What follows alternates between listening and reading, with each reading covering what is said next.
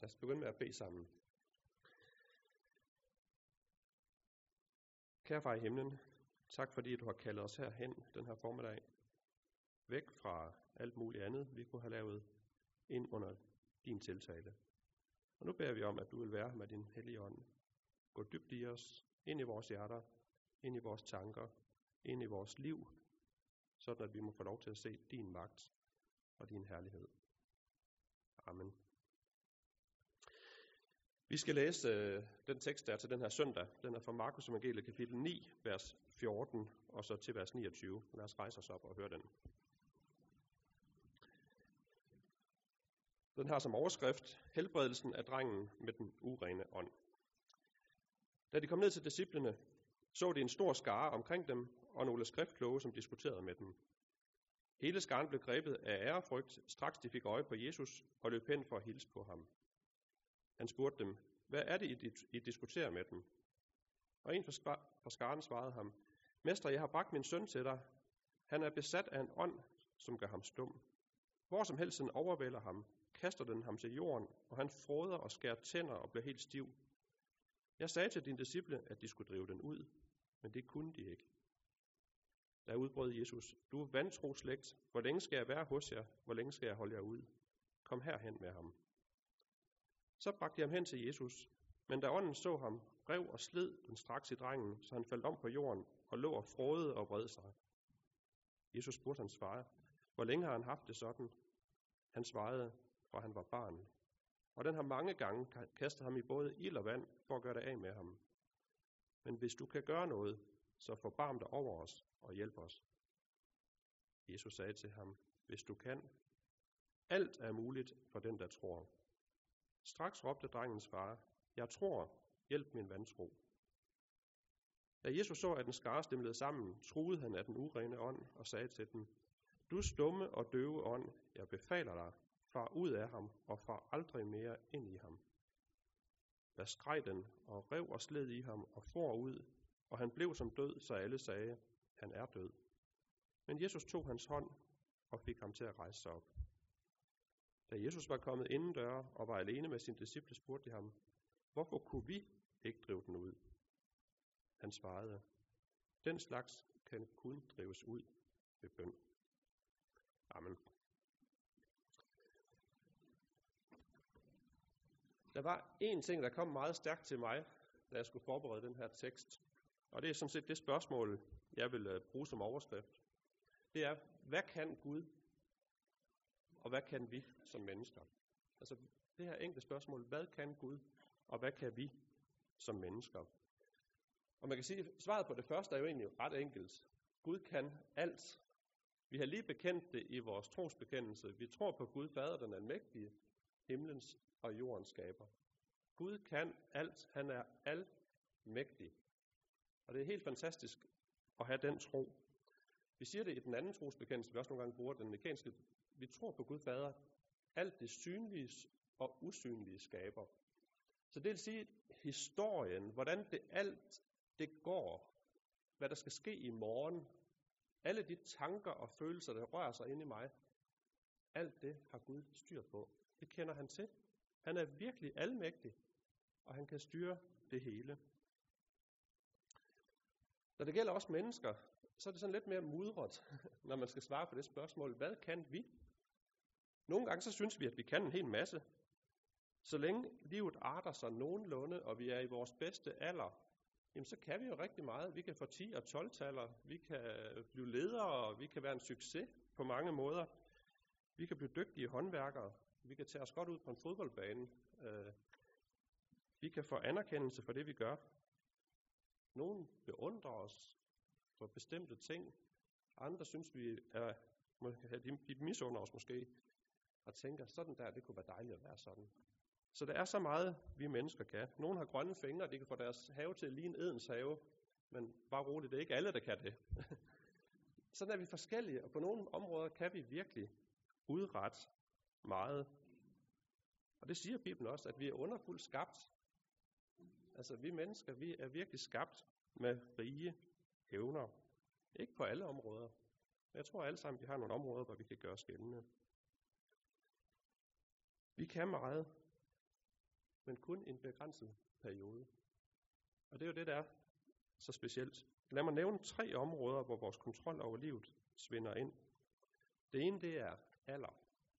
Og min kone, hun har faktisk mange gange lagt øre til, da jeg fyldte 40 og 45, og nu er jeg så på vej mod den næste halvrunde hjørne, den her lidt klagesang, åh, det er træls at blive ældre. og øh, det har hun jo så måtte øh, lide under, kan man sige. Jeg var nede og hente træ hos et gammelt ægtepar, som øh, havde fået faldet nogle træer, og så skulle jeg så ned og hente det. Og man kunne bare se, at deres have havde været rigtig smuk en gang. Det var sådan en, hvor de havde åben have og inviteret mennesker ind. Og nu lå det bare sådan lidt tilbage. Øh, der var ikke så meget herlighed over den længere. Så der er sådan en slutdato på mange af vores projekter. Der er en afmagt ved at blive ældre og ikke kunne stoppe det. Og så er der det, vi møder i, i den tekst her i dag. At der kan være noget, der sådan stanser os før tiden.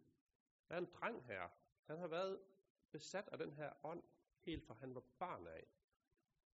Og det er jo en forfærdelig situation.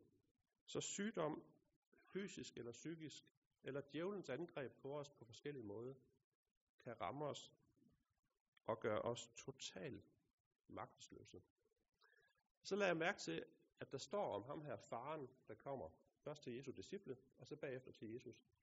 Han er bare nævnt som en fra skaren. En fra skaren. Og så tænker jeg på, at ja, der er ikke mange detaljer, vi får at vide om ham, må man sige. Det kan ske, at han er direktør i sit, i sådan, i sit uh, erhvervsliv. Det kan ske, at han er fisker, det kan ske, at han er landmand, pædagog, landarbejder, salgschef. Han kan have alle mulige fine titler i arbejdslivet. Men når han kommer hjem og går ind ad døren derhjemme, så bliver han bare konfronteret med den søn der, som har det så forfærdeligt. Udadtil kan han ligne en succes, men på hjemmefronten er der kaos, stumhed. Drengen kan ikke snakke. Der er froden, der er tænderskærn, der er kramper. Og hos forældrene der er der fortvivlelse og angst og rådvildhed og en stor træthed. Alle, som har haft syge børn, ved, man bliver så træt. Det ligger så tungt på en. Så den der magt og afmagt, den balancerer i vores liv, og den kan vende som en hånd.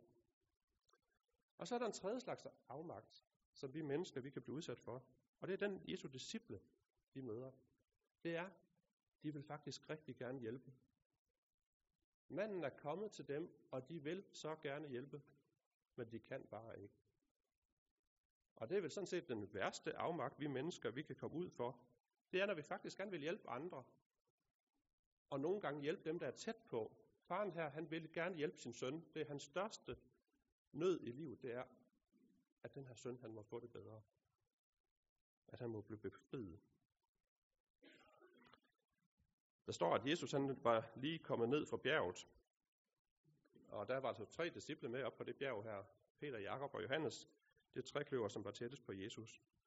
De havde mødt Moses og Elias. De havde haft en rigtig stjernestund deroppe. Og Peter var så begejstret, at han i ramme alvor besluttede, eller foreslog, hvorfor bygger vi ikke tre øh, hytter herop? Ikke til de tre disciple, men til de tre, til Jesus og Moses og Elias.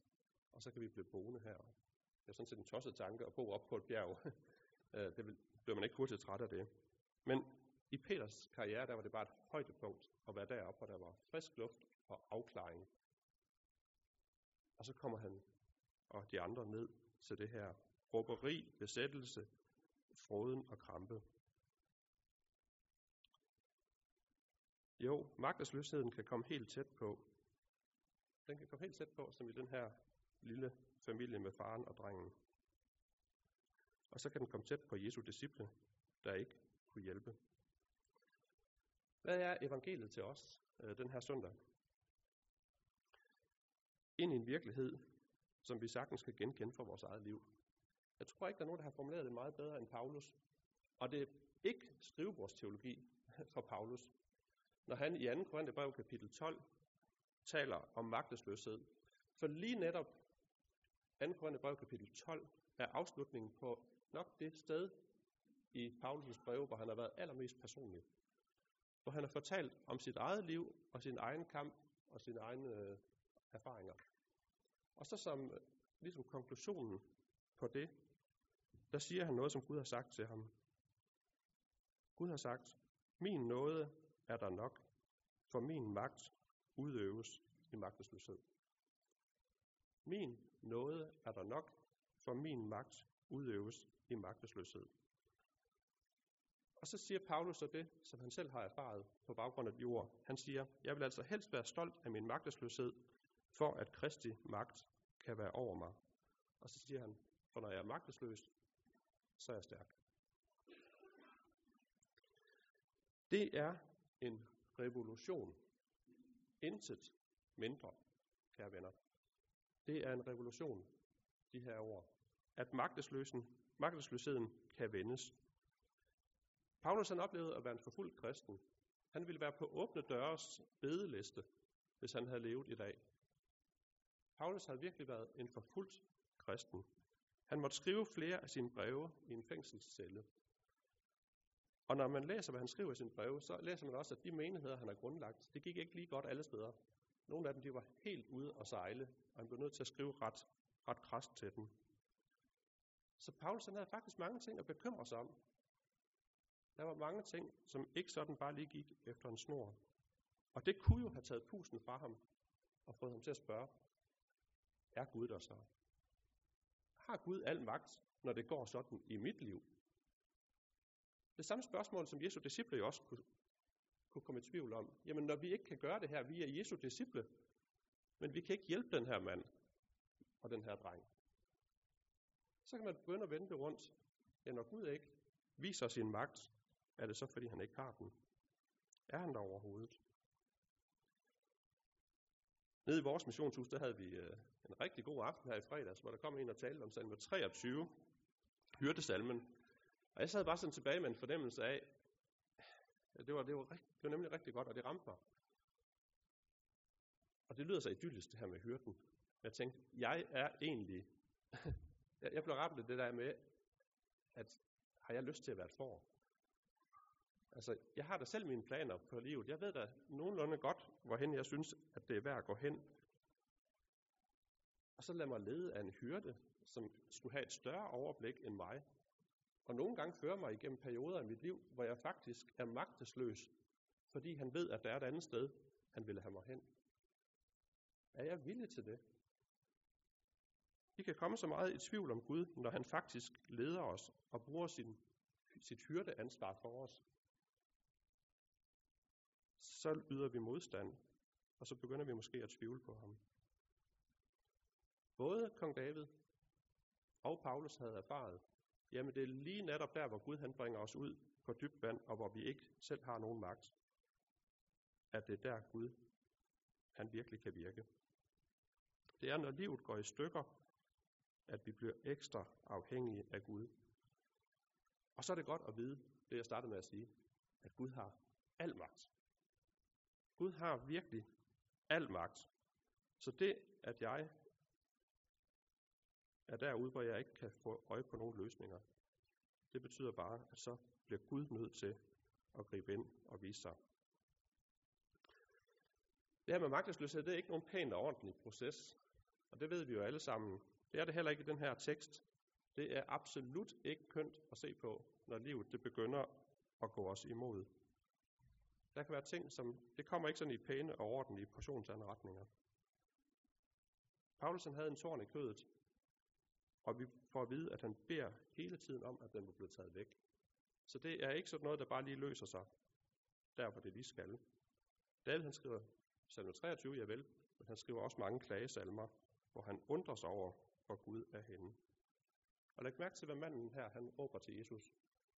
Jeg tror. Og så siger han bagefter, hjælp min vantro. For ham der er det heller ikke sådan noget med, at han bare kommer med Jesus med sådan en kæmpe sikkerhed om, at Jesus og hans disciple bare kan hjælpe.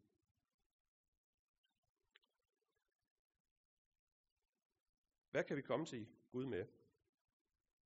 Ja, når vi har overskud, og tingene går, så synes vi måske, at vi kan komme til Gud med en hel masse.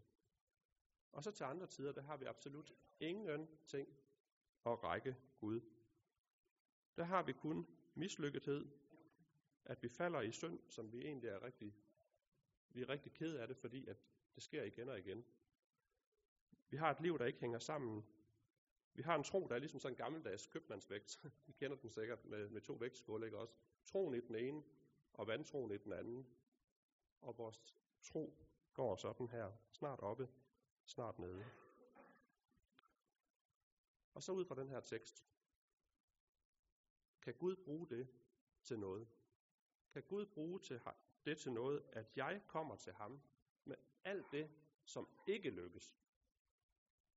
Altså, der hvor jeg kommer på den side af mig selv, som er totalt magtesløs, kan Gud bruge det til noget? Ja, der er tre magtesløse mennesker, eller grupper af mennesker i den her tekst. Der er drengen. Jesus han drev faktisk den onde ånd ud. Jesus han havde magten, da det kom til stykket. Han kan besejre djævelens magt. Og så var der faren. Jesus han hjalp faktisk den her far med den her fortvivlede tro, den her købmandsvægt tro, der snart er oppe og snart nede. Troen havde bragt ham til Jesus, og Jesus han hjalp. Og så var der disciplene, og det er jo godt at sige ind i en menighed, det er, Jesus han forkaster ikke disciple, der har det ligesom hans, der nogle gange står der, hvor deres tro også svigter, og hvor de ikke synes, at de kan hjælpe. At de ikke kunne hjælpe, betød ikke, at Jesus han ikke kunne. Når der er sat en streg hen over alt vores eget, så er der bare én ting tilbage, og det er Jesus. Vores tekst her, den er hentet fra midten af Markus evangeliet, kapitel 9.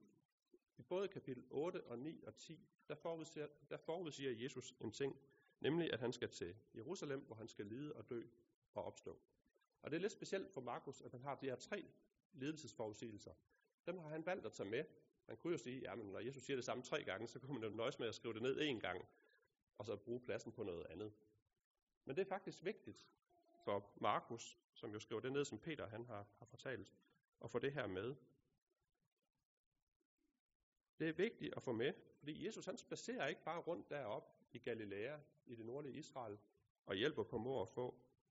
Mens han hjælper drengen her, og driver den onde ånd ud af ham, der er han faktisk på vej til Jerusalem, for netop at vinde sejr over djævelens magt. Jesus han var selv med i dødsriget, og kæmpe med djævlen og vinde over ham, for at befri den her dreng. Jesus han måtte op til Jerusalem for at gå ind under al vores synd og bære den op på sin egen skuldre, ved at bære den op på korset. Det er den måde, han kan hjælpe os på, når vores tro er svag. Jeg har lagt mærke til min egen tro. Det er, at den er virkelig ligesom den her købmandsvægt. Og jeg ved ikke, hvordan den har svinget i mit eget liv, men den er oppe og nede. Men der er én ting, min tro altid, der, der gør den stærk. Det er, at den har det aller, aller stærkeste udgangspunkt. Og det er Jesu kors.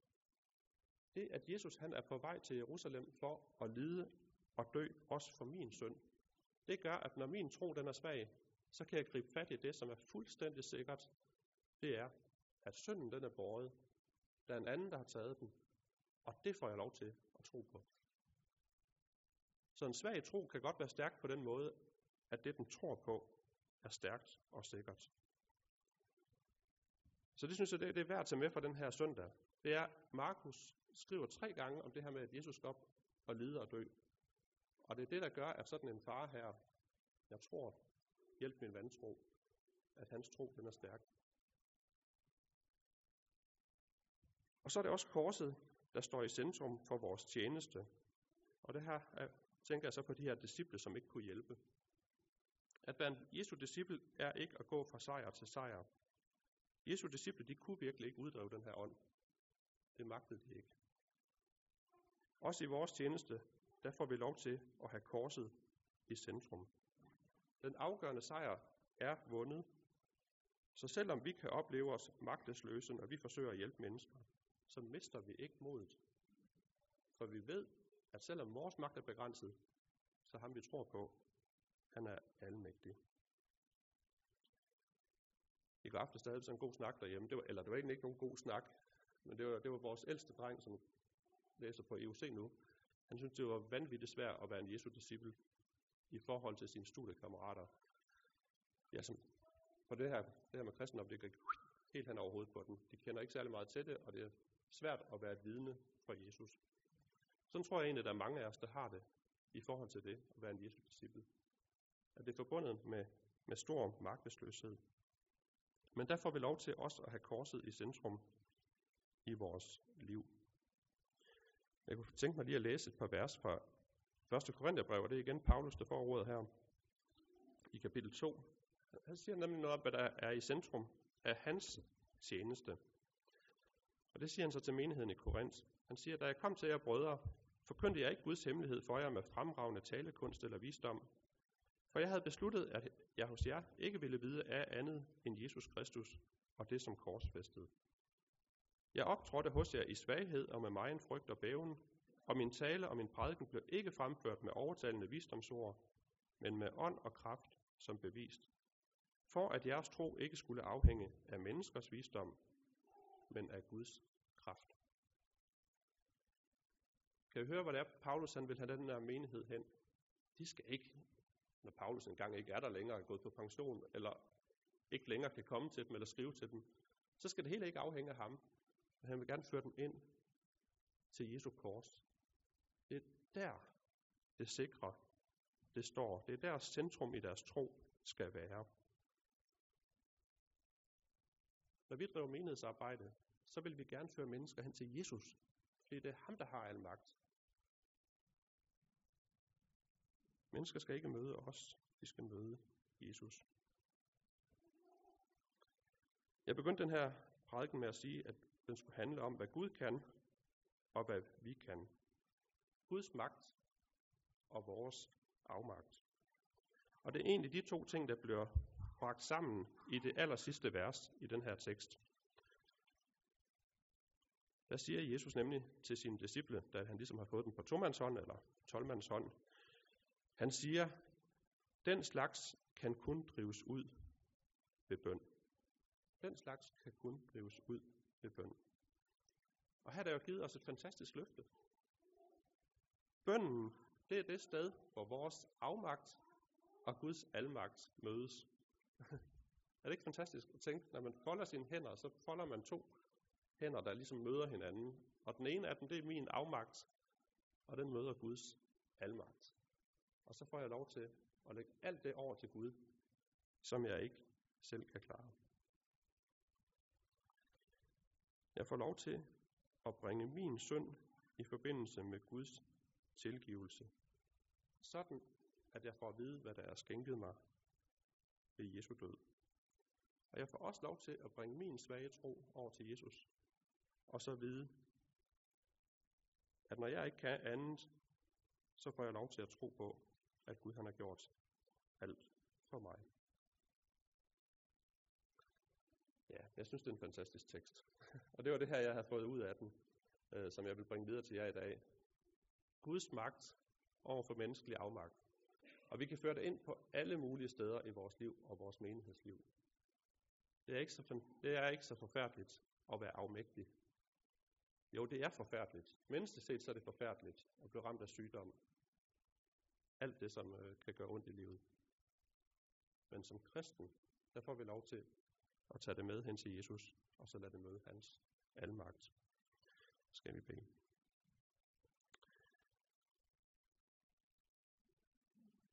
Kære far i himlen, det vil vi bare ganske kort lægge frem for dig.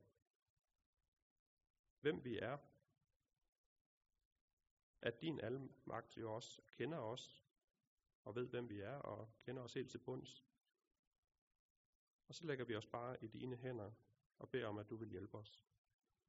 Hjælp os på alle mulige måder, at du vil være hyrden, som tager hånd om vores liv og leder os af dine veje for dit navns skyld. Tak fordi, at vi får lov til at være dine børn. Amen.